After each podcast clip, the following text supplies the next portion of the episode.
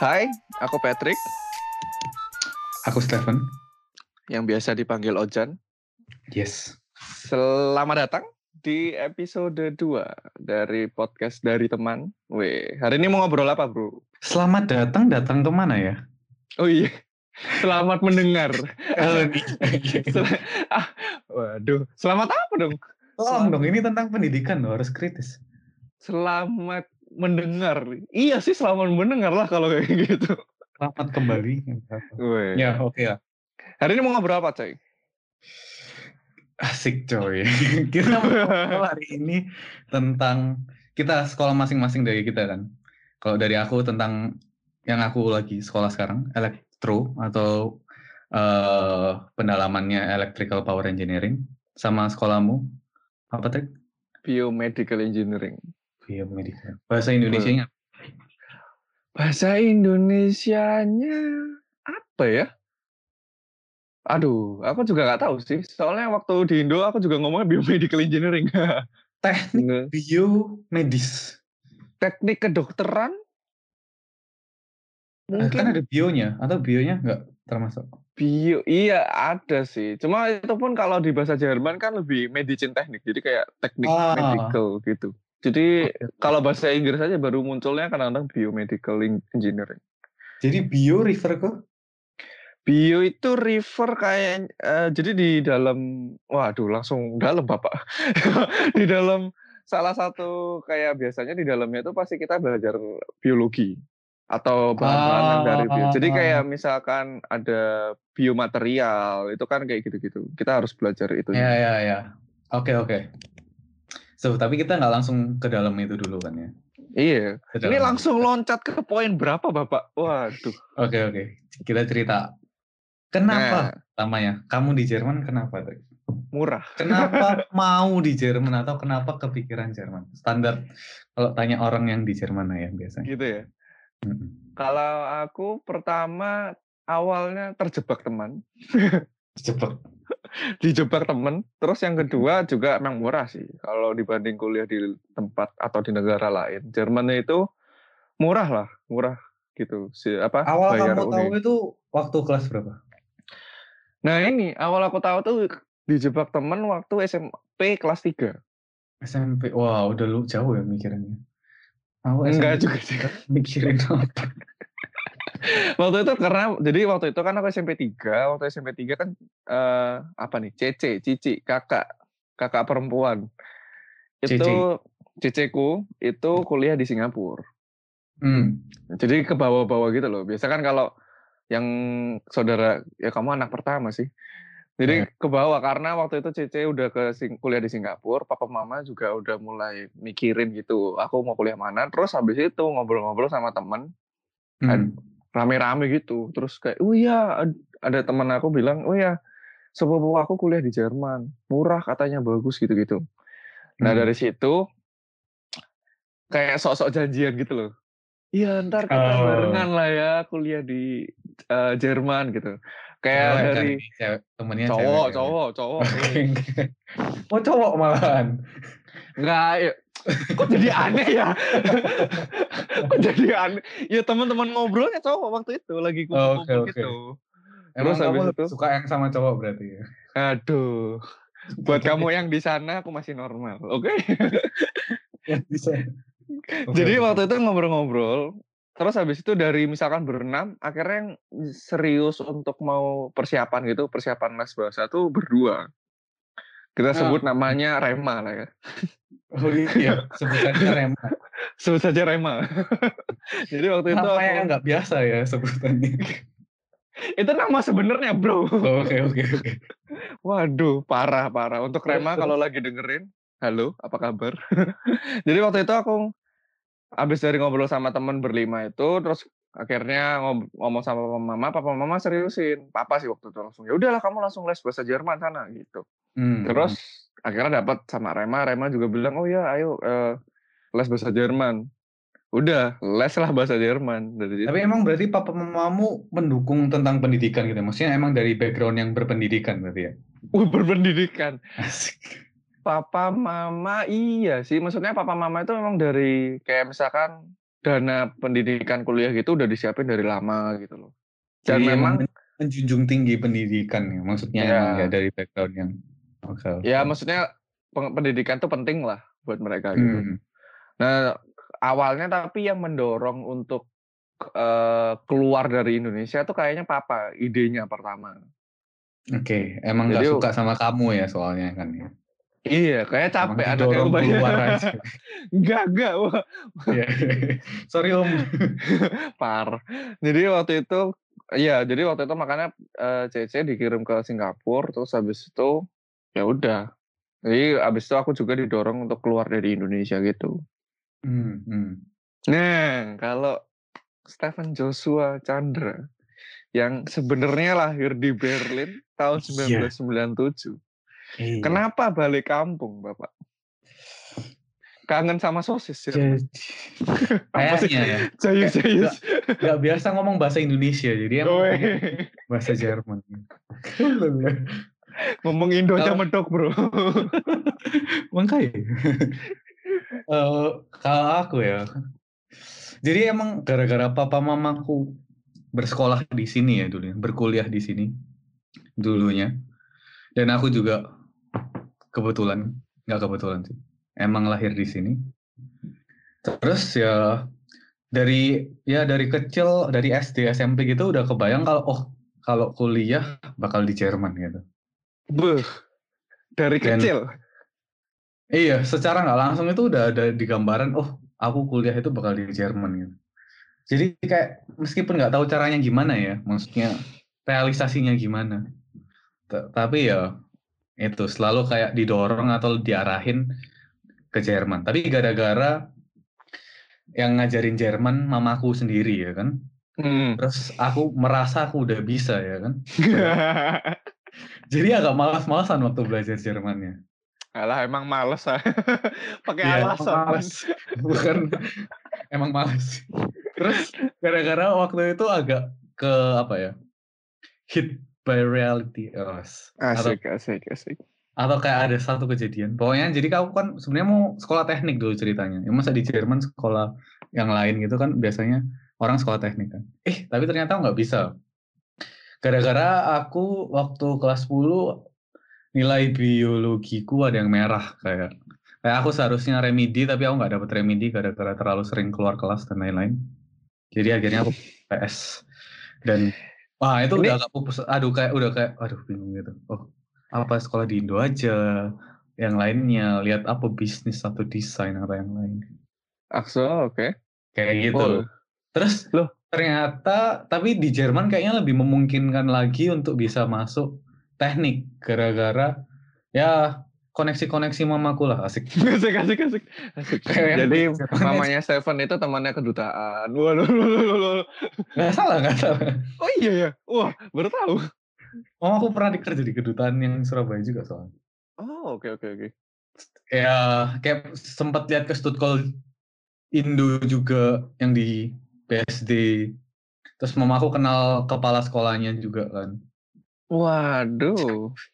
terus kayak ya ada harapan-harapan gitu tapi Ini kayak- udah kayak drama-drama Korea gitu ya. iya iya kan Mau masukin anaknya ke universitas. gitu kan masuknya Mau masuk universitas, wah pakai kenalan orang tua. Asik. Oke, oke, oke. Terus, terus.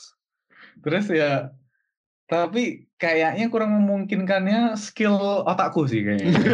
Karena nggak pernah belajar dari SMP SMA dan Oke. ya kayak gitulah. Tapi alasannya kenapa di Jerman? Pertama ya gara-gara mau ke sekolah Jerman sama ada kemungkinan untuk sekolah teknik di Jerman juga.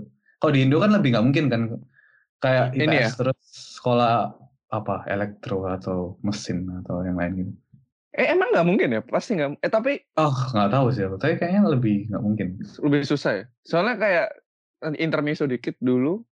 Cici aku itu kan IPS juga. Terus sempat Iya, iya. mau masuk FKG. ya FKG bisa FKG aku Oh, tahu bisa. FKG bisa. Oh, oke. Oke. dok- dokter gigi bisa emang Oh. tapi kayaknya yang teknik kayaknya lebih enggak deh lebih Ah, lebih nggak mungkin ya. Se- sepengetahuan Ya, gua nggak Kita tahu. tunggu teman teman-teman kita lah ya yang tertarik untuk menjelaskan. ya ya ya Oke oke. Terus terus terus. ya itu sih kalau kenapa di Jerman gara-gara kayak gitu sih Tapi nggak pernah kepikiran sama sekali di luar, tapi bukan Jerman. Kayak mau rebel gitu, biar beda dari orang tua. Weh. biar... Uh, hmm, kalau di tempat lain kayaknya nilaiku tidak memungkinkan untuk mendapatkan beasiswa atau kayak sekolah di tempat lain kayaknya. Waktu nilai SMA ya. Jadi ya berharap yang ke college dulu yang bisa memperbaiki nilai. Setelah itu baru mungkin masuk universitas yang lain. Tapi enggak sih, enggak pernah kepikiran yang tempat lain sih. Soalnya kan kalau waktu kita SMA, mungkin sampai sekarang sih. Kalau di SMA kan yang paling terkenal tuh kalau ke luar negeri kan US. Singapura lah ya. Lebih Singapura, ya Singapura. Terus Aussie. Aussie, ya. Udah kan tiga itu kan yang paling terkenal. Paling kalau yang agak nyeleneh ke Jepang. Taiwan. Gitu. Kan udah terkenal sekarang ya. Oh iya, Taiwan sekarang juga terkenal. Ya. Taiwan, ya benar benar benar benar Taiwan kayak gitu. Oke. Terus habis itu habis akhirnya ini akhirnya kita mau ke Jerman. Nah, muncullah satu program yang ditawarkan ke kita. Iya. Yeah. Nah, ini kan legend programnya. ini program yang membuat kita bisa sampai di sini. iya. Kayak Tapi aku beneran bayangin sih kalau dan menye ya ada nyeselnya sih. Nyesel dan bersyukur lah ya. Tapi kalau mungkin kita nggak ngambil program ini, oh ya programnya namanya Freshman Institute ya, btw. Ya. Kalau nggak ada program kayak college gitu ya, buat mungkin yang nggak dapat bayangan apa maksudnya Freshman Institute. Iya. Jadi college gitu. kayak kalau nggak ada program ini, aku tak, aku juga pikirin mungkin bisa jadi nggak jadi ke Jerman sih, karena lumayan panjang kalau ngelihat teman-teman yang lain ya, perjuangannya hmm. lebih berat gitu kan. Kayaknya ya, ya. Jadi ya. aw awalnya aku tahu freshman juga dari mamamu sih, Jen, waktu itu. Mm -hmm. Jadi yeah. kan aku les di mamanya Ojan, mama Seven. Waktu itu aku inget abis pulang perpisahan SMA, terus dikasih tahu infonya gitu. Besok ada apa ya?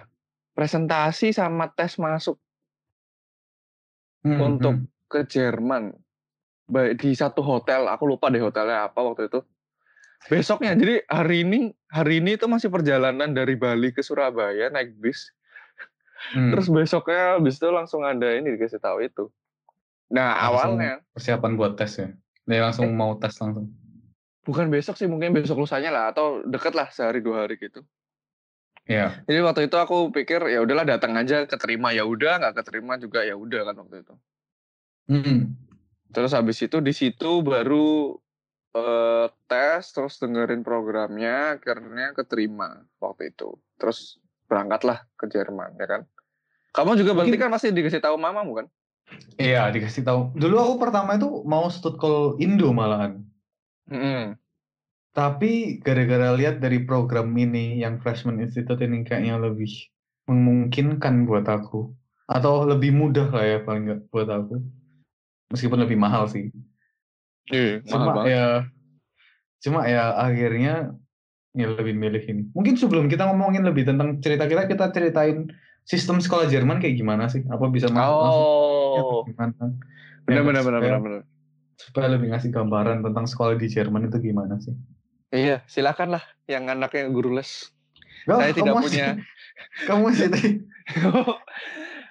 Wah, jadi yang yang kita tahu. Nah, ini yang biar biar disclaimer dulu. Takutnya ntar diserang masa, Bro. Salah nih gitu kan yang kita tahu. Kalau ada yang, yang masa kalau ada masanya ya. kalau nggak ada yang denger juga nggak ada yang nyerang. Oh iya bener juga ya. Kalau nggak ada yang denger siapa yang mau nyerang ya? Kita serang sendiri. Kalah. Jadi yang tahu. Jadi sistem di Jerman itu uh, sebelum masuk S1 harus dari kalau internasional itu harus masuk namanya college dulu atau student college. Nah, student college ini ngapain sih? Student college itu persiapan intinya, persiapan untuk masuk ke universitas. Di situ kita udah dibedain ada tiga jurusan. Hmm. M, eh empat ya harusnya, empat atau tiga? Yang GT, GTM, W harusnya empat. Jadi harusnya oh, ada iya, empat. Ada G, T, M sama W. Jadi apa aja kalau T itu teknik, hmm. W itu Wirtschaft atau ekonomi. Iya. M itu medicine, jadi kayak yang mau ke arah kedokteran. Dan G itu Geschichte ya. Gak tahu aku G. G itu Kepanjangan apa? kayak Geschichte, kayak sejarah. Jadi intinya G itu yang lebih fokus ke sosial yang arah politik eh, HI gitu kalau nggak salah. Terus kalau nggak eh kalau nggak salah juga lebih ke arah ke bahasa. Jadi misalkan mau jadi Iya, dosen bahasa kayak gitu-gitu itu juga bisa kalau nggak salah. Jadi lebih ke arah situ. Nah, jadi dari waktu jadi apa aja waktu itu ada empat itu terus udah jadi waktu daftar uni itu juga sebenarnya tergantung dari kita ngambil eh, waktu stud call-nya apa. Jadi kalau misalkan kita ngambilnya W, terus daftarnya teknik elektro udah nggak mungkin, Iya, betul. betul. udah udah nggak masuk akal. Kayak dulu ajar diajarin akuntansi terus suruh belajarnya fisika kan nggak mungkin. Iya aja nih. kayak aku. Hmm. Gak mungkin, tapi tidak ada sesuatu yang tidak mungkin. Jadi jadi mungkin nggak bro? Oke oke. Ya, Nah. mungkin, mungkin aja. Oh, Mungkin- itu mungkin satu aja. jalur, itu jalur yang paling normal kan ya? Itu jalur paling normal. Nah Hmm. Tapi biasanya juga sebelum masuk studcall eh, harus sekolah bahasa dulu karena untuk daftar ke studcallnya biasanya butuh B1 kalau nggak salah sekarang malah jadi lebih naik lagi perlunya B2 Iya, jadi eh, kayak B1 B2 itu apa ya level bahasa gitu ya level bahasa Jerman ya. Dari Iya, A1, level. A2, B1, B2, C1. C, ya C1 C1 jadi kayak kalau mau masuk college itu minimal dulu B1 sekarang kayaknya kebanyakan B2 jadi orang-orang Indo kadang-kadang sambil eh, daftar college datang dulu ke Jerman untuk eh, belajar bahasa dulu biasa gitu Hmm. belajar bahasa terus nanti daftar college habis daftar college daftar uni nah itu yang normalnya Yang normalnya. nah jadi Nggak normal.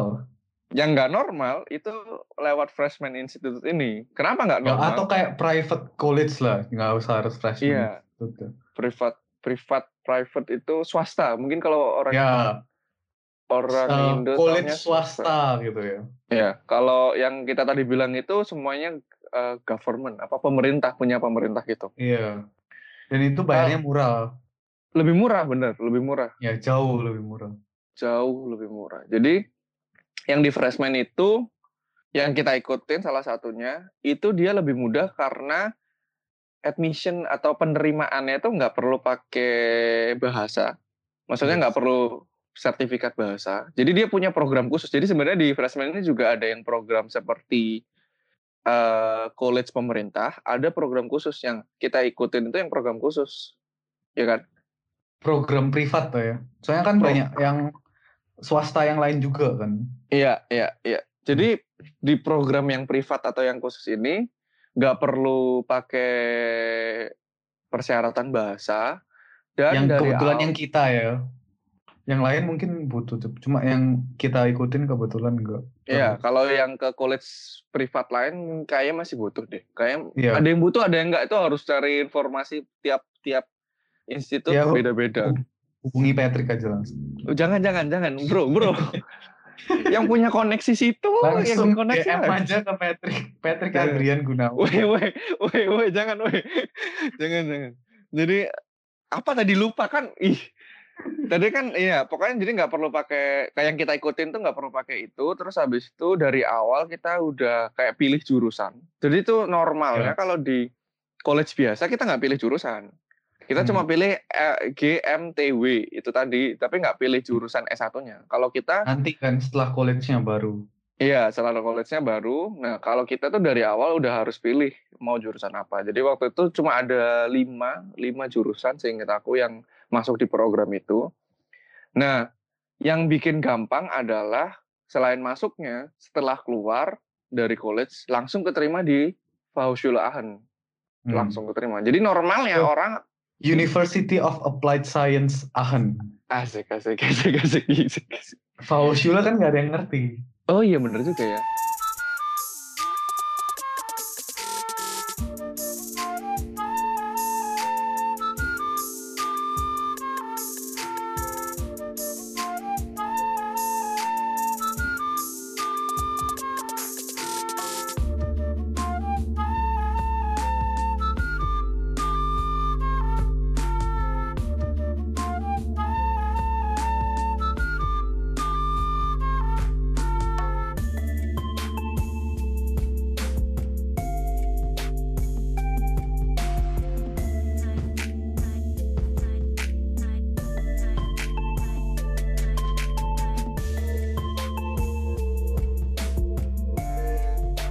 Jadi perbedaan. Nah, ceritakan tuh. Waduh, panjang bro. Kan Tapi sistem sekolah di Jerman. Iya, tapi maksudnya itu dulu. Jadi kalau normalnya orang habis college itu mereka harus susah-susah untuk cari uni lagi. Hmm. Harus daftar lagi dari awal. Jadi itu panjang banget kalau eh, perjalanannya karena harus eh, kalau nggak salah harus unas itu ha- hasil unas atau ijazah itu harus di translate Hmm. bukan cuma bahasanya tapi sistem scoring poinnya juga karena di Jerman beda. Nah, ini juga harus jelasin nanti. Terus eh, di daftarnya juga kadang-kadang bisa langsung ada juga lewat organisasi namanya Uni Asis kayak gitu-gitu untuk ke daftar ke universitasnya. Jadi itu kayak ya gitulah susah. Bahkan untuk daftar Stuttgart sendiri, teman-teman, Wih, teman-teman sok-sok apa sih? Itu juga susah. ini. Iya, karena kalau daftar Stuttgart itu juga ada Aufnahmeprüfung atau ujian penerimaan juga. Dan Iya, itu kalau iya. program kita nggak ada, ada sih sedik ada waktu itu di Indonesia, tapi nggak sesusah eh, college-college yang umumnya waktu itu. Ya pokoknya yang yang Stuttgart yang biasa, hurdle yang harus dilewatin itu banyak banget sih. Iya, Kayak eh kan sekolah biasanya sampai nggak langsung dapat Stuttgart kan, sekolah bahasa dulu di Jerman. Terus harus nyari kol- student college atau college-nya itu dulu. Terus tes ke tempat-tempat lain itu kan ada tes bahasa Jerman, bahasa eh matematikanya.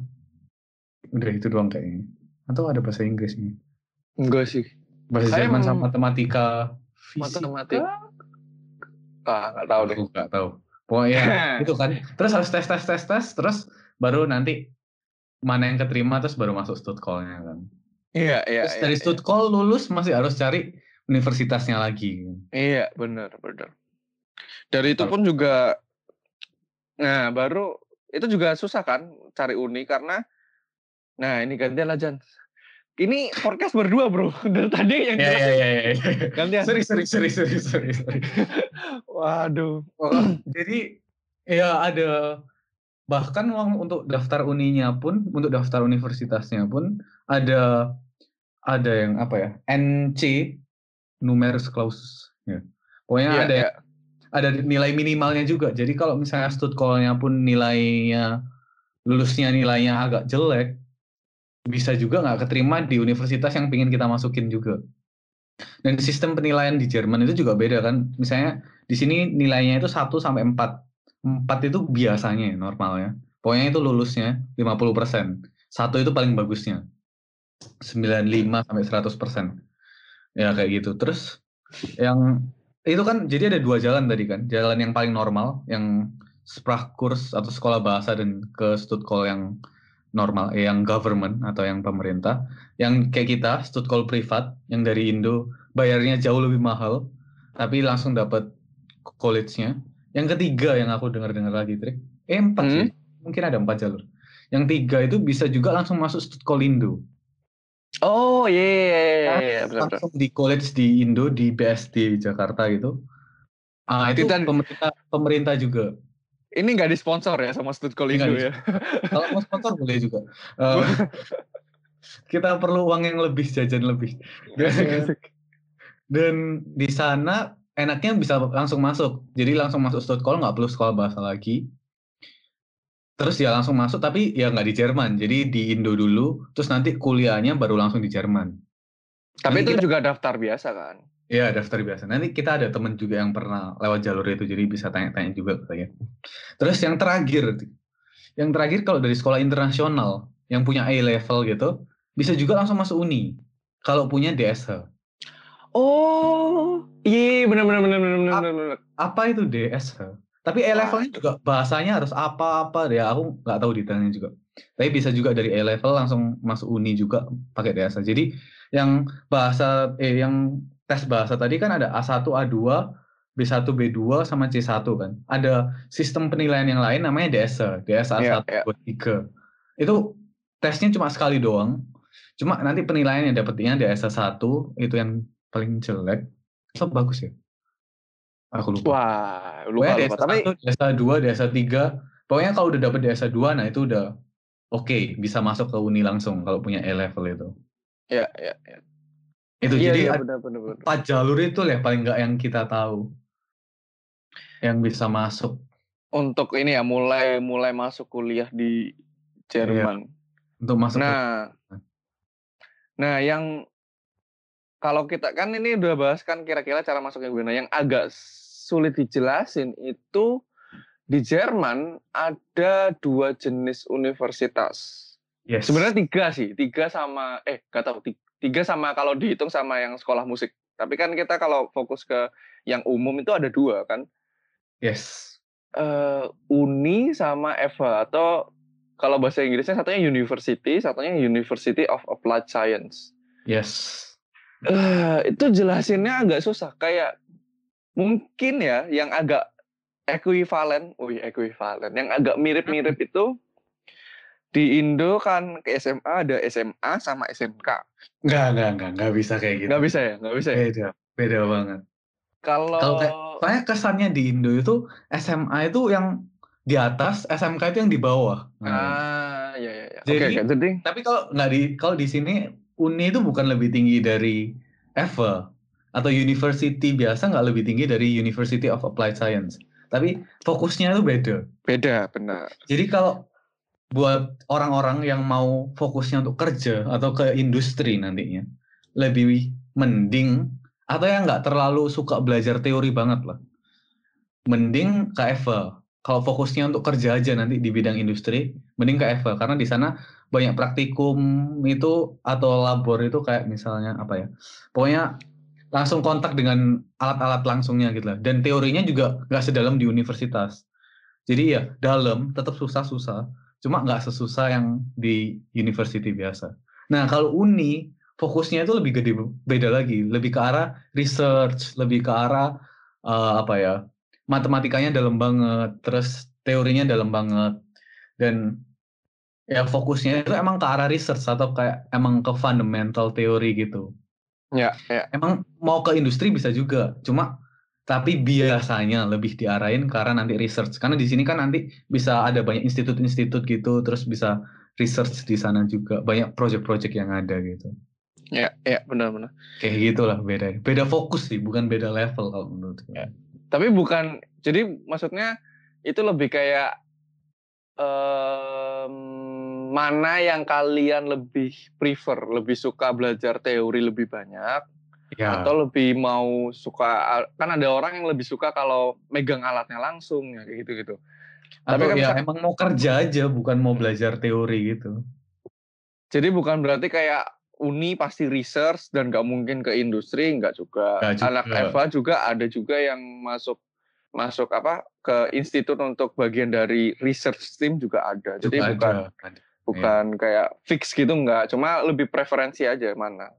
Iya, soalnya kadang-kadang aku ngerasa juga yang dari Indo ngerasa, oh Uni lebih bergengsi, kayak, wih lebih keren gitu. Padahal enggak sih, karena emang ya Iya. beda fokus saja gitu. Nggak kayak di Indo, oh SMA lebih bergengsi daripada SMK gitu, enggak. Di Iya. sini ya fokusnya itu beda aja. Iya. Ya itu opini kita. Wah, ntar ini Opini, iya. Ini- disclaimer lagi. Iya. Berharap ada yang dengerin terus protes lah. Jadi disclaimer dulu. Dari, Oke, jadi itu gitu tentang sistem di Jerman nah ya. sistemnya benar benar. Ada lagi yang kita kurang jelasin?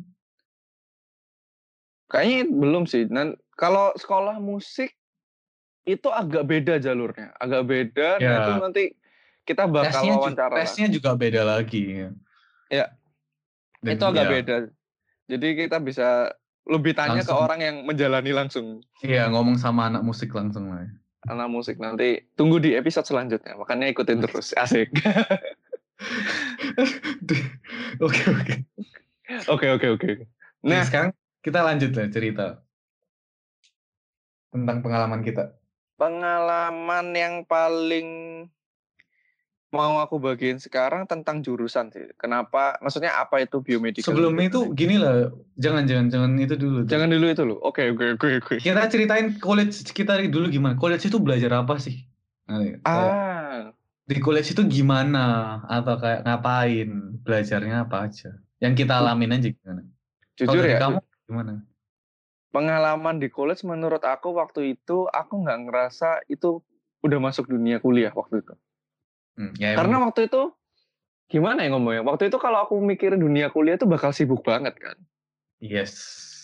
Terus kayak kalau teman-teman waktu itu teman-teman yang seumuran, yang seangkatan, yang udah masuk di universitas di Indo, itu sibuk banget. Apalagi yang jurusan desain gitu, arsitek Hmm, hmm, atau hmm. apa-apa gitu. Gila ngeliat story Instagramnya mereka, kayak berat banget. Nah waktu itu college kayak nyantai banget kita waktu itu. Kita cuma Hmm. belajar tiga, tiga gak sih? Tiga kan? Cuma tiga. Guy, Iya, cuma Iya. bahasa Jerman, matematika sama fisika. fisika. Itu Iya. pun kayak 80% Jerman dan 20% baru fisika matematika waktu itu. Iya, iya. Itu ini bikin tim Dota ya waktu itu ya. Iya, pakai Belajar Laptop. life skill yang lain nih. terus laptopku nge-crash terus kan. Setiap masuk Iya. udah nge-crash, nggak bisa main. Gak Terus- bisa join. It- jadi em, tapi ini yang program kita. Jadi yang program stud call privat kita itu pada saat itu 80% bahasa Jerman, sisanya matematika dan fisika. Jadi Hmm. waktu itu yang aku rasain bosen sih. Bosen ya? Karena eh, itu-itu cuma tiga aja kan yang dipelajari. Dari bosen segi banget. pelajarannya lah ya. Dari segi pelajarannya. Iya, Bosen. iya, iya. Dan karena banyak waktu kosong, tapi menurut aku di Jerman itu nggak terlalu, nggak sebanyak aktivitas di Indo, menurut Hmm. aku. Atau waktu Hmm. itu aku juga yang kurang aktif, nggak tahu kenapa. Jadi kayak, menurut aku kalau di Indo kan gimana ya, kalau kosong itu bisa ke mall, bisa ke mana. Di Jerman tuh kayak, aduh, waktu itu kita di kota kecil soalnya sih, bukan karena apa-apa. Waktu Itu- itu karena kita di kota kecil. Bukan kota sih. Desa ya. iya. Desa kayaknya. kita kayak di desa gitu jadi nggak bisa ngapa-ngapain jadi bosen bosen bosen Hmm. banget sih terus Kita mengasah skill FIFA kita kan tapi ya triknya. ya FIFA boleh lah boleh lah Ada skill kehidupan lain yang kita asah di sana. belajar masak coy belajar masak lebih keren Belajar dikit lah belajar betul. masak belajar masak terus ya gitu-gitu. Terus? Kalau aku nggak tahu ya kalau kalau dari SMA menurut aku fisika yang waktu itu dipelajari sama yang di SMA topiknya topiknya itu mirip-mirip. Topiknya itu agak diulang cuma ada Hmm. beberapa yang topik baru. Mhm. tapi memang penekanan penjelasannya beda. Kalau orang Jerman Mhm. lebih lebih apa sih? Lebih apa ya Jen ngomongnya Konsep Kon asik asik konseptual. Lebih konseptual, lebih basic. Maksudnya lebih basic itu dalam artinya benar-benar dasarnya itu dijelasin benar-benar. Hmm. Jadi eh, tapi secara tema itu mirip, Hmm. ulang diulang. Jadi ada bosen juga sih sedikit. Nggak tahu sebagai Stephen kan soalnya back- backgroundnya IPS mungkin kayak itu jadi baru juga kan nggak nggak gimana bosen kalau kamu gimana Jen? Buat aku baru banget sih. Kayak awalnya ya dari yang sebenarnya IPS pun kan aku nggak belajar ya dulu ya. Agak eh, nyontek aja sih pokoknya. pokoknya nyontek doang waktu dulu. Terus waktu ke sana baru pertama kali mulai belajar, tahu apa itu belajar. Jadi buat aku banyak hal yang baru sih di sana. Kayak dulu kan bahkan waktu SMA kan aku nggak tahu GLB, GLBB, gerak lurus beraturan, gerak Beraturan. lurus berubah beraturan, terus konservatif apa konservasi energi gitu-gitu kan aku nggak tahu sama sekali kan. Terus di sana baru kenal dengan itu ya kayak lumayan agak baru buat aku. Cuma untungnya juga nggak sesusah itu menurutku ya. Maksudnya buat aku masih oke lah. Mungkin dipelajari lagi karena meskipun aku dari awal pun yang dari nggak tahu apa-apa. Mungkin ini buat yang lain yang udah dari IPA nyantai ya kayak lebih oh ya ini ngulang gitu. Kalau buat aku baru cuma ya nggak sesusah itu sih menurutku. Ya, ya, ya. Dan matematikanya menurutku oke banget sih nggak nggak ya kalau dari aku mau minimal dari SMA matematika IPS-nya sama yang matematika waktu kita college nggak beda banget sih menurutku. Mhm. Jadi ya Nah, ya tapi tergantung per- sekolah SMA juga kayaknya tapi ya. Ya, ya. Tapi disclaimer dikit itu karena kita ya ini program khusus itu. Kalau yang aku pernah lihat yang stud call pemerintah itu lah agak lebih susah sih fisikanya. Lebih dalam Iya. gitu. Kayak Iya. lebih lebih ya lebih dalam, lebih susah gitu soal-soalnya. Dan Iya, waktu itu ada teman kita yang ngambil program M. Itu kalau nggak salah dia uh, fisika dapat terus sama biologi sama kimia ada jatuhnya. Iya, betul, betul. Biologi betul. kimia. Kalau teknik itu masih mirip matematika fisika. Mhm, mhm. Kayak gitu. Jadi itu sih kalau waktu college yang aku inget. Sisanya Iya, iya. ya main FIFA, main Dota, jalan-jalan di Ahen. Itu Tapi yang aku bersyukur dari college kita ya, gara-gara banyak orang internasional kan ya. Dan nggak tahu kenapa banyak yang ngomong bahasa Inggris juga. Jadi kayak itu ngelatih satu sisi bahasa Jerman di yang kita belajar bahasa Jerman, satu sisi ngelatih conversation English juga. Jadi kayak Ya. dulu kan Indo agak takut-takut gitu kan ngomong Inggris. Ya, ya. Tapi gara-gara di sana, gara-gara ketemu tem- gara-gara ketemu teman internasional yang lain, jadi kayak secara nggak langsung ngelatih bahasa Inggris juga. Ngelatih untuk berani lah paling nggak ngomong bahasa Inggris. Dan ya dari Iya. situ salah satu yang aku dapat juga sih dari college itu. Kenal kultur yang baru sama kenal orang-orang dari daerah yang baru. Itulah ya buat college kita udah cukup menjelaskan ya. College udah sih. Sekarang dari sana kan berlanjut ke dunia perkuliahan kan. Mungkin Hmm. kamu bisa ceritain dulu, Trik. Gimana apa sih kuliahmu itu? Tentang ya. apa sih? Kerjanya apa sih? Kalau di Indo kan biasanya ditanyain itu bisa ngapain sih dari sana? asik asik bisa ngapain. Iya benar benar benar kayak yang yang aku kerasa portal apa ya kelebihannya kalau ngambil biomedical engineering itu kalau pulang Indo bro. Ditanya kuliah apa? Biomedical engineering. Pasti orang-orang kayak wah gitu. Uh, wah iya. susah ya kayaknya. Kayak nggak ada kuliah yang gampang sih sebenarnya. Semua susah.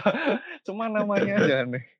Jadi biomedical Iya. engineering itu ke belajar apa intinya itu belajar tentang alat kedokteran jadi Alat kedokteran namanya. iya jadi Suntik gitu ya berarti. kenapa alat kedokteran orang selalu mikir suntik ya banyak loh yang bilangnya gitu oh jadi kamu, Kamu bikin ngapain suntik- sama suntik? Kamu Iya. ngapain mau diapa lagi?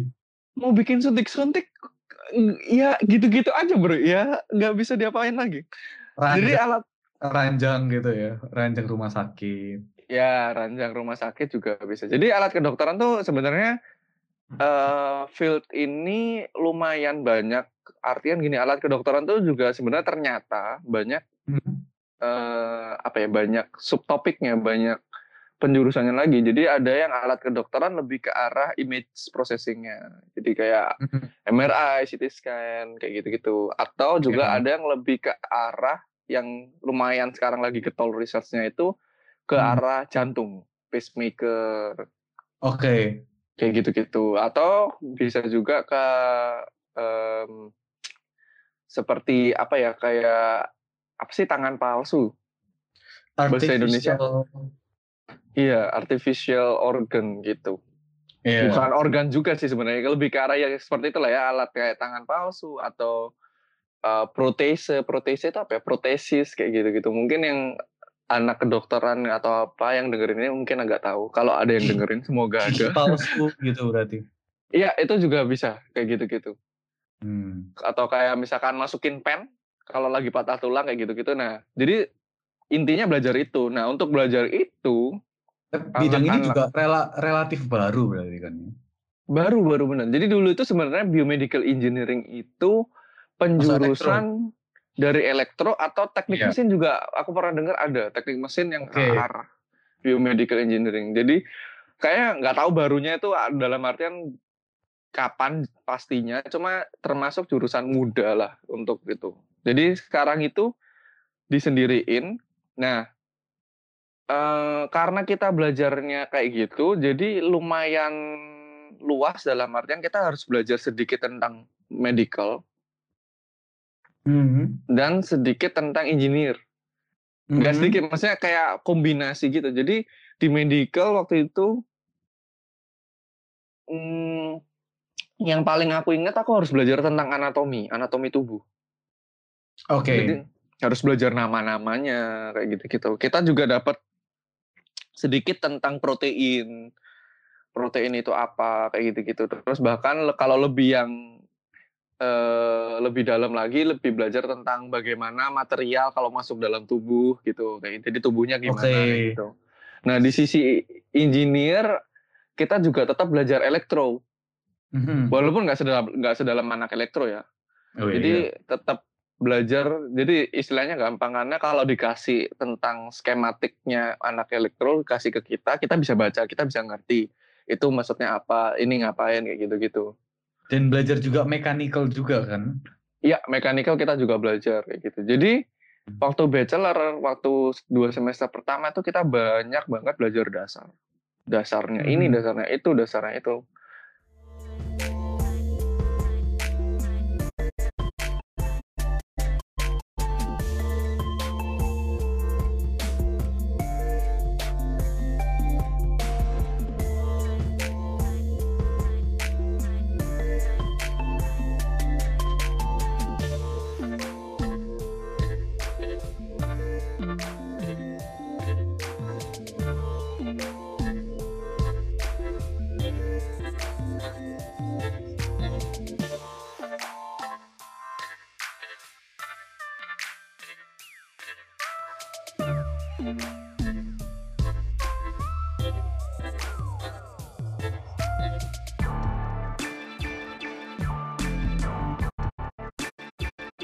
Kelebihan dari jurusan ini banyak tahu, kekurangannya tahunya Nggak terlalu dalam. Iya. Mhm. Makanya menurut aku sangat disarankan untuk lanjut master sih kalau ambil jurusan ini. Karena nanti di Hmm. master bisa nanti kita bisa ngobrol lebih dalam lagi, tapi intinya di master itu jadi lebih bisa ter- terfokus lagi gitu loh. Kalau Mhm. bachelor itu beneran ter dan oh ya, juga biomedical engineering ini bisa setiap kampus atau setiap universitas Mhm. itu beda fokus. Dari bachelornya Oke. aja udah beda-beda gitu yang ditekanin apa gitu. Oke, oke. Kayak gitu sih kurang lebih. Kerjanya apa? Nah, itu Iya. yang sering ditanyain. Tukang servis alat kedokteran. Iya. Servis suntik, servis ranjang gitu kan.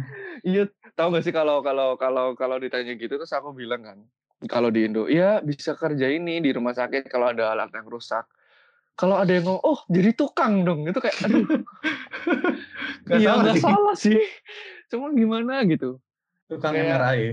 Iya, jadi emang sebagai engineer kita bisa kerja untuk di rumah sakit. Jadi kalau di rumah sakit itu yang ternyata aku juga pernah tanya-tanya, em, biasanya dokter atau suster itu nggak segimana terlalu ngerti tentang alat MRI, CT scan gitu kan. Mhm, mhm, Jadi engineer itu juga bertugas untuk kasih kadang-kadang kasih pelatihan sedikit. Oke. kasih pelatihan artinya ini alatnya gimana caranya kayak gitu-gitu. Kalau ada Hmm. masalah pertama kali harus harus gimana gitu. Karena kan karena medical gitu jadi eh, concern concern tentang safety untuk pasiennya kan sangat tinggi. Jadi kalau begitu ada trouble sama mesinnya yang operatornya harus tahu harus gimana gitu. Harus ngapain dulu supaya pasiennya at least selamat dulu kalau misalkan ini membahayakan gitu. Ada Mhm. juga di Indonesia itu yang lumayan terbuka katanya mesin kalau di Indonesia mesin rumah sakit rusak alat rusak itu biasanya bisa nunggu lama karena satu satu orang engineer itu bisa pegang sampai empat rumah sakit yang aku pernah dengar Mhm. kayak gitu. Nah di bidang lain bisa ke bagian eh, kalau di Indonesia karena nggak ada manufacturing bisa ke eh, apa istilah distributor alat kesehatan. Karena yang ngerti kan ya. Ya, jadi yang masukin ke rumah sakit. Biasanya rumah sakit Hmm. tuh kalau yang aku pernah dengar mereka cuma, oh pokoknya pengen MRI. Pengen MRI yang bisa gini, yang bisa gini, budgetnya segini. Nah, mereka kontak ke distributor, di situlah nanti ada biomedical engineering atau orang engineering yang ngeliatin mana nih yang kira-kira mirip atau yang sesuai sama speknya dengan harga tertentu. Jadi kayak lebih kerennya tuh sales engineering kalau nggak salah namanya. Kayak gitu. Hmm, hmm, hmm. Kalau keluar Indonesia itu bisa ke manufacturing, ke bagian pabriknya atau perusahaan yang Ya engineering di satu perusahaan kan berarti. iya seperti itu. Nah, yang terakhir bisa ke bagian research and development. Iya. Itu bisa bisa di institut, bisa di pabrik. Karena di pabrik kalau di Jerman nggak tahu sih kalau di negara lain gimana. Di Jerman selalu ada research and development gitu kan. Dan di sini berjalan banget sih R&D-nya nggak dibandingin. Iya, iya. Bukan bukan main-main, maksudnya emang benar-benar fokus untuk ngembangin sesuatu yang baru kan. Dan budgetnya menurut aku sih yang beda. Kayak budgetnya lumayan Iya. gede Iya. untuk benar. research and development gitu. Kayak gitu. Kurang lebih.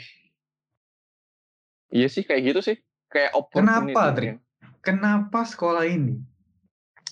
Kenapa sekolah ini? Jadi awalnya itu aku pengen engineering yang bukan biomedical engineering, tapi pengen engineering, cuma bu- Hmm. nggak biomedical. Jadi awalnya itu aku lebih ke arah otomotif atau pesawat pengennya.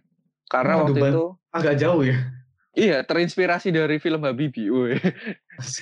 Kan Habibie kan ini kan terkenalnya di Aachen, terus terkenalnya teknik pesawat kayak gitu-gitu. Cuma Hmm. waktu itu juga ada tawaran atau masukan atau apa ya? Ya orang tua bilang kamu nggak mau jadi dokter tah kayak gitu. Hmm. Nah waktu itu aku nggak mau jadi dokter. Gimana ya?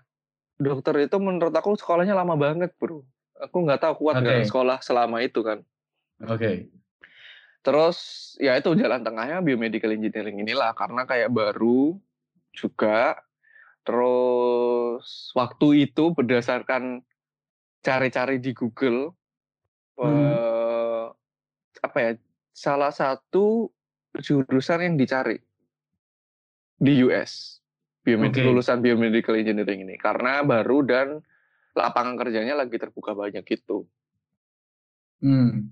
Oh, sebentar aku lupa deh.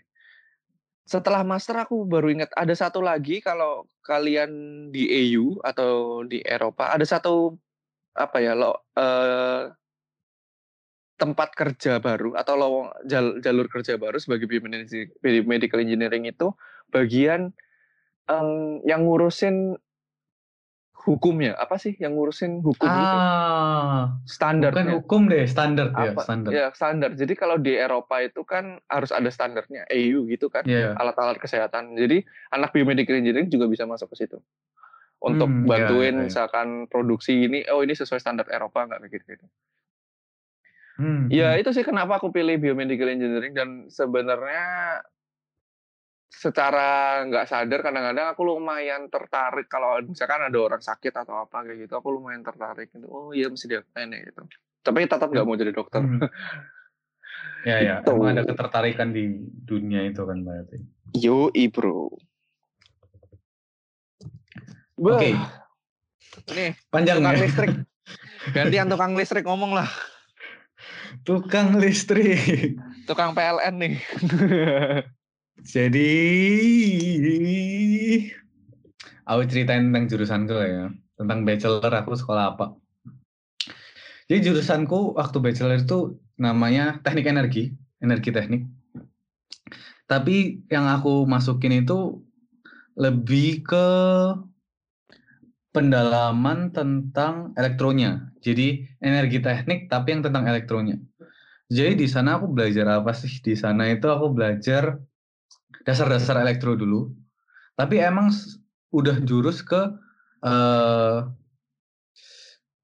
apa itu namanya? Voltasi tegangan. Oh, tegangan tinggi. Jadi bukan Oh. tegangan rendah tapi udah menjurus ke tegangan tinggi. Jadi yang aku belajar itu kebanyakan juga tentang tegangan tinggi. Jadi di sana aku be- belajar tentang dasar-dasar elektro, rangkaian, terus habis itu banyak juga praktikum atau labor tentang eh, tegangan tinggi, terus belajar sedikit tentang eh, apa itu power element, eh, elemen elektro bahasa Indonesianya mungkin. elemen Jadi, ya. elemen dasar gitu maksudnya Ya, ya elemen-elemen elektro gitu. Hmm. Terus belajar juga tentang sistem. Ya sekarang itu kayaknya di jurusan apa pun pasti belajar itu sih tentang sistem, tentang kontrol sistem gitu. oh iya iya. Dan ya di sana itu sih lebih banyak ke arah emang kok mungkin ngelihatnya yang yang banyak yang familiar gitu tentang energi terbarukan ya. Tentang gimana ya listrik yang kita pakai di kehidupan sehari-hari itu tapi kayak source-nya gitu. Jadi sumber listriknya gitu lah. Itu secara singkat sih aku belajar kayak gitu di bachelorku. Jadi be- belajar juga tentang electrical machine, tapi electrical machine ya dasar-dasarnya electrical machine gitu. Terus belajar juga tentang pembagian listrik itu gimana. Oh. Ya, kayak gitu sih. Loh, tapi eh tadi secara singkat. tadi kan kamu bilang apa? Eh, energi teknik tapi elektro. Iya, Satunya berarti apa? energi teknik yang di itu kan Fachbereich atau apa ya Fachbereich fakultas fakultas 10 itu Fakultas. energi teknik itu kan dibagi elektro Maschinenbau atau teknik mesin sama fisikal Oh, oke oke. tapi Oke, semua oke, itu oke. menjurus ke arah teknik energi semua nah itu aku ambil yang Oh. elektro ya kayak gitu sih tentang gaya energi Oke. Terus bisa jadi apa belajar itu selain tukang PLN?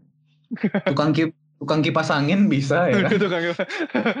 Belajarnya tegangan tinggi tapi kipas angin, Bro. Gimana? tukang lampu Oh iya, lampu lampu masuk akal. Jadi kerjanya ya, karena sekarang sebenarnya aku udah tulis artikel ini di blog aku kalau kalian mau lihat lebih dalam, asik. Wadaw, malah promosi personal. Gak perlu, gak perlu dijelasin lagi. Enggak. Jadi Jadi, nggak perlu nih podcastnya nih. jadi yang, nih.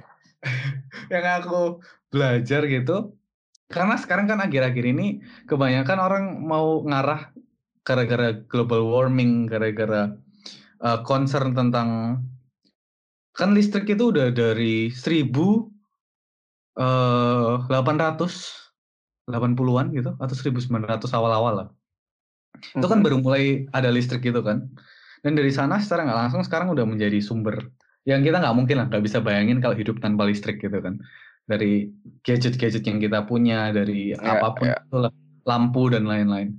Ya dan situ belajarnya ya kerjanya ya ya sumber-sumber listrik itu. Tapi gara-gara aku lebih belajar yang ke arah energi terbarukan, ya aku belajar lebih ke arah dari sumber-sumber listrik yang terbarukan itu. Jadi pertama kerjanya itu bisa di eh, pembangkitan tenaga listrik atau kayak sumber listrik itu bisa dari bisa masuk ke wind apa ya wind energy, wind energy.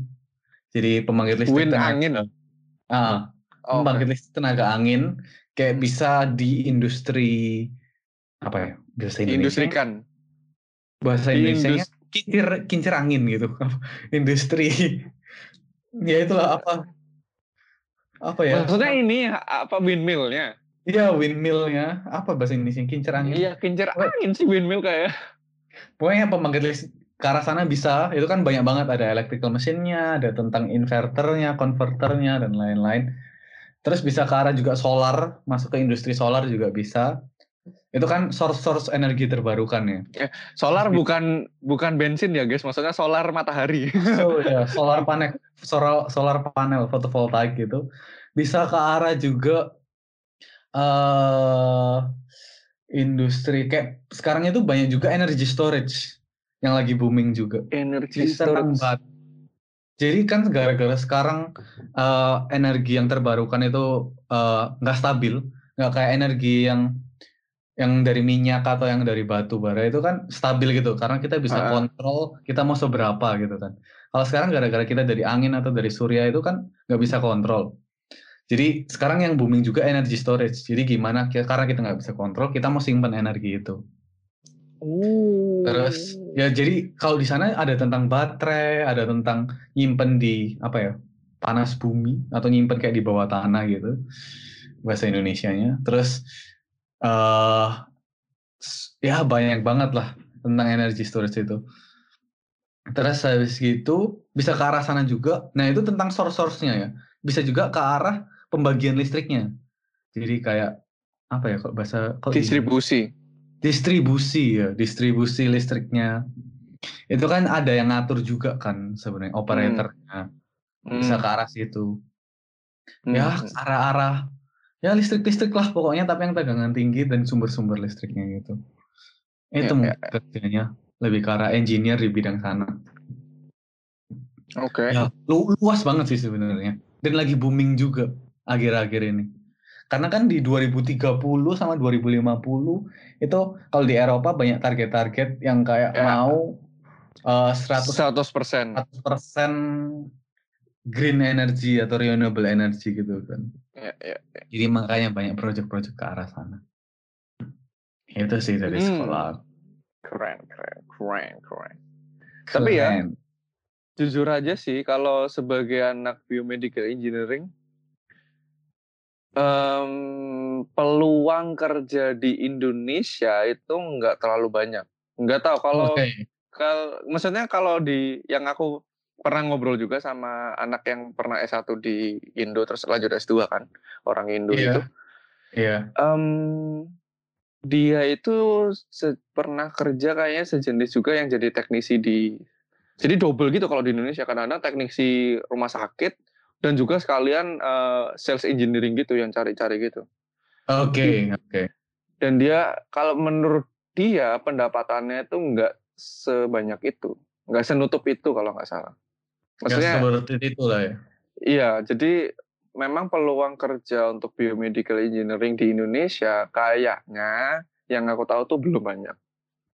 Itu sih Mhm. mungkin juga yang kalau mesti dipikirin juga kalau mau pilih pi- jurusan ini ya. Tapi kan kita nggak bisa ngomong itu secara benar-benar karena kita juga Ya, belum kerja juga kan. iya. Dan nggak ada tahu lagi Bayangannya, ya, maksudnya kemungkinannya kayak gitu. Lima tahun lagi juga nggak, kita nggak tahu. Ya, 5-10 tahun lagi apakah jadi banyak juga nggak tahu sih. Oke, lalu kita Lalu, habis lulus bachelor karena masih mager cari kerja. Eh enggak ya? Iya, ini karena menarik nggak nih. tahu mau ngapain. Kenapa? Iya, kenapa waktu itu kamu lanjut Mhm. master? Enggak cari kerja aja dulu. Ah, oke. Kan ada Kalau dua pilihan kan? Harusnya. Mhm. Ya, mau lanjut master atau langsung kerja aja kan? Iya. Kalau aku kenapa aku ambil master ya? Karena aku ngerasa setelah aku lulus bachelor itu, aku masih terlalu tahu basic. Jadi gambaran yang tadi aku ceritain dari tadi itu aku tahunya setelah aku master. Jadi setelah dari bachelor itu aku ngerasa terlalu basic apa yang aku ngerti dan aku juga pengen tahu lebih dalam lagi tentang tema ini atau tema energi teknik atau power ini. Jadi makanya aku ngambil master itu. Dan setelah aku ngejalanin master sekarang pun aku ngerasa sesuatu yang berguna banget sih. Karena lebih dapat gambaran besarnya dan lebih dapat bayangan tentang atau lebih dalam ngerti tentang sebenarnya energi teknik atau power engineering ini tentang apa sih sebenarnya itu sih Hmm, kalau dari aku gitu karena emang Ainfa pengen tahu lebih banyak aja tentang tema ini Oke. Ya, mirip-mirip sih kalau gitu sama aku. Terutama mirip-mirip kayak juga ya alasannya Iya, kayak yang tadi aku bilang kan, karena biomedical engineering itu kalau bahasa kerennya multidisiplin, alah lah, mau ngomong keren malah susah ternyata. Intinya karena, iya, karena itulah ya. Jadi karena biomedical engineering itu harus belajar banyak dasar. Ketika lulus bachelor itu jadinya kayak nanggung.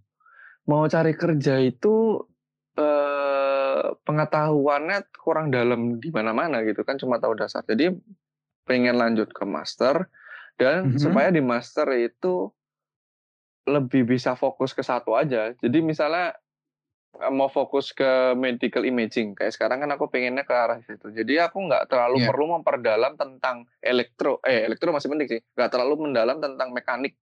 hmm, hmm, hmm.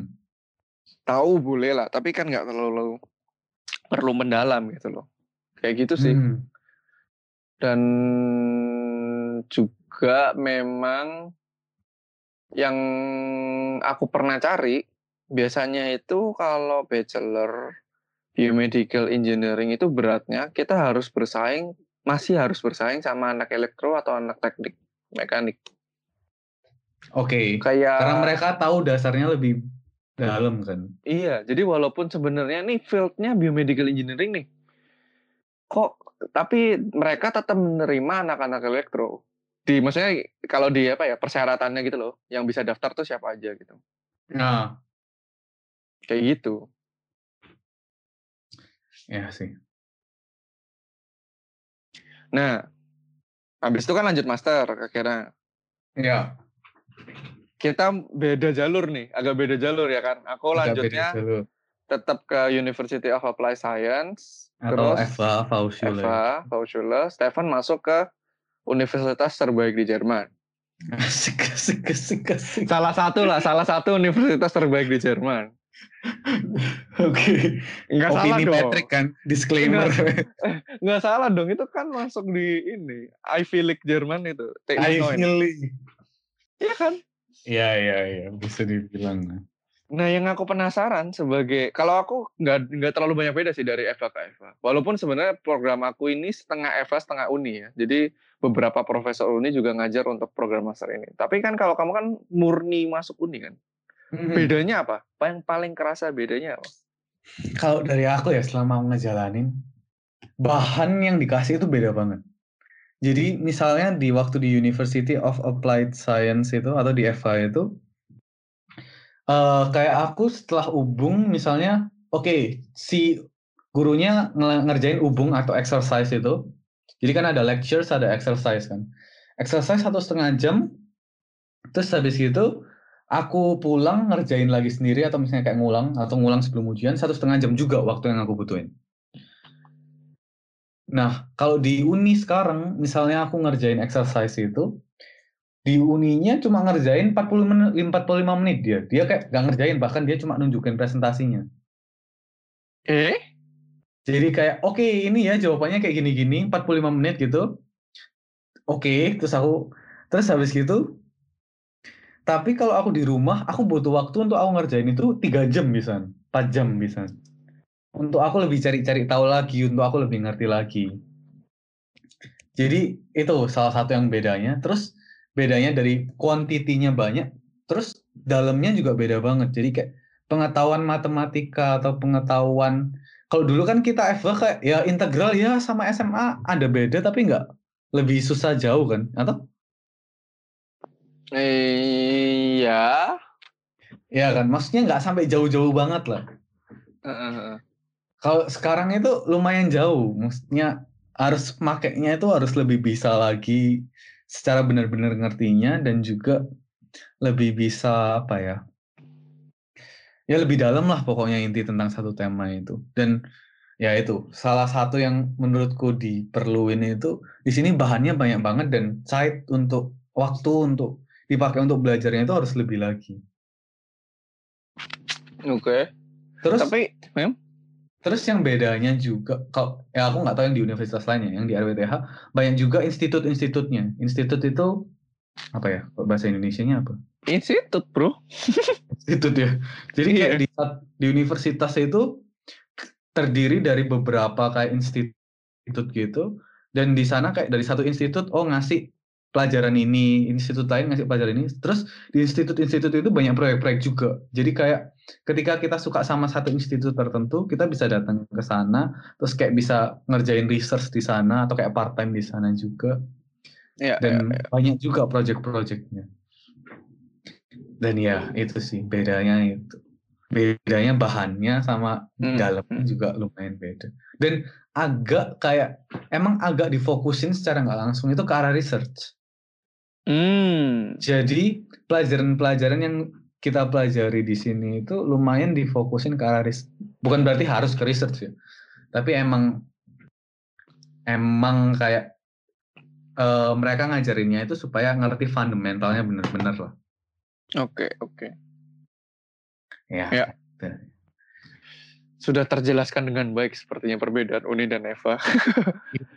Kalau aku Yang soalnya salah satu bisa rasain sih. Salah Hmm. satu praktikalnya menurutku kalau di FA itu kalau dulu aku belajarnya ya.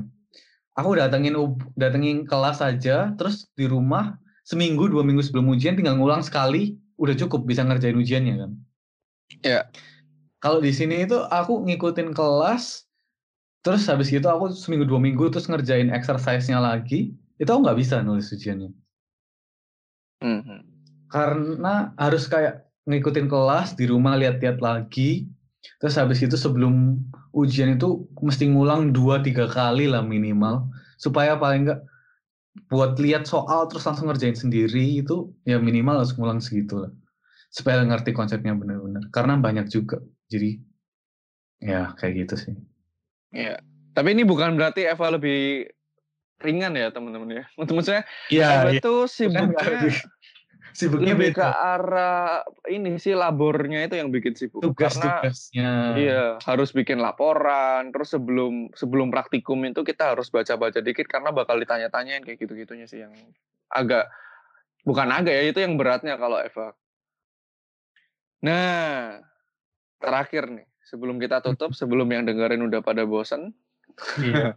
Kayaknya udah nggak ada yang dengerin sih sebenarnya. Kayaknya udah berhenti. Enggak. aku aku yakin masih ada. Wah. Papa Mama, terima kasih. Terakhir itu apa bedanya master sama bachelor? Oke. Dari aku lah ya. Dari Iya, aku iya, dulu, menurutku yang paling kerasa bedanya di master itu problem-problem yang dikasih misalkan karena aku FA ya jadi kayak kalau di labur gitu kan kita sering kasih harus simulasi harus apa kayak gitu gitu kan kalau Hmm. di bachelor itu lebih sesuatu yang lebih disimplified gitu Oke. nggak terl nggak nggak murni 100% masalah dalam kehidupan sehari-hari kalau di Mhm. master yang aku pernah contohnya waktu itu kelas desain metodologi Mhm. jadi gimana cara mendesain alat nah yang masalah yang dikasih sama profesornya untuk kita diskusiin itu bener-bener alat yang lagi di research saat Oke. itu juga dan dia bilang gimana kalian punya ininya apa bakal ngedesainnya gimana dan harus dipresentasiin jadi kayak bener-bener lebih kerasa gitu dengan kehidupan nyata terus master itu menurut aku kelas master itu lebih santai dalam artian profesor itu lebih banyak cuma membimbing kita untuk explore gitu loh. Oke. Kalau bachelor itu kan kita dikasih input, kasih input, kasih input, kasih input, Mhm. dan ya itu kebanyakan kasih input. Jadi kita harus belajar ini ini. Kalau master itu yang aku rasain, mereka kasih input sedikit, tapi bagaimana nanti kita bakal didorong lebih lagi untuk lebih apa ya, lebih bebas. Misalkan Iya. Mau lebih ke arah image processing gitu, maka mereka kan lebih dorong, oke kamu silakan ke institut ini atau kayak gini, nanti di institut itu banyak project-project yang mereka juga bakal dukung gitu, bakal kasih tahu gimana cara kerjainnya gitu. Kayak gitu sih lebih, iya. Itu yang aku rasain, nggak tahu kalau kamu gimana? Kalau aku ngerasain bedanya master ya, kalau sekarang itu eh topik-topiknya itu lebih banyak. Jadi ngenalin topiknya itu lebih banyak dan apalagi di sini ya ah, masterku sekarang aku nggak dikasih jalan tertentu harus ngambil ini ini ini gitu. Jadi aku pilih sendiri apa yang aku pelajaran apa yang mau aku ambil.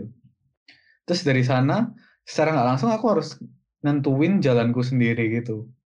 Mau ngedalemin di tema yang apa. Terus ya itu, jadi temanya itu benar-benar beragam dan spesifik gitu. Mungkin kalau bachelor dulu cuma kayak tentang oh dasar elektro atau oh tentang tentang electric machine gitu. Tapi sekarang lebih kayak dalam banget. Oh ini tentang power system dynamic. Jadi emang tentang dinamika ya power system. Terus kayak tentang tentang eh, me- apa ya tentang kabel aku belajar juga khusus tentang kabel gitu Khusus Terus- tentang kabel. tentang power cable bukan kabel semua kabel tentang Oh, power oke. cable dong terus yang di mesin pun aku juga belajar khusus tentang mesin eh pembangkit listrik gitu jadi bukan ein- einfach mesin dasar tapi emang lebih dalam gitu dan ya itu sih kalau aku ngerasa juga bahannya yang di master kalau kan aku ada pelajaran master sama pelajaran bachelor juga kan di RPTH jadi pelajaran master bahannya nggak sebanyak pelajaran bachelor, ya banyak juga sih. Cuma ya itu mungkin karena temanya lebih relevan sama kehidupan sehari-hari gitu. Nggak nggak relevan banget juga sih. Cuma ya lebih praktik, ya nggak praktikal juga. Ya pokoknya gitulah. Lebih dekat. Lebih, Lebih dekat dengan Iya. lebih dekat dengan aplikasi. Jadi ya lebih menarik gitu jadinya juga. Ya, ya, ya. Ya itu aku, ya itu yang aku juga maksud sih kayak lebih lebih dekat, lebih kerasa gitu loh. Kalau ini tuh real life Iya. problem gitu loh. Iya betul betul. Ya. Jadi semoga Sudah belum pada tidur. Iya. Terima kasih sudah mendengarkan teman-teman. Sampai jumpa di episode selanjutnya. Semoga membantu insight dari kita. Oke. Dadah.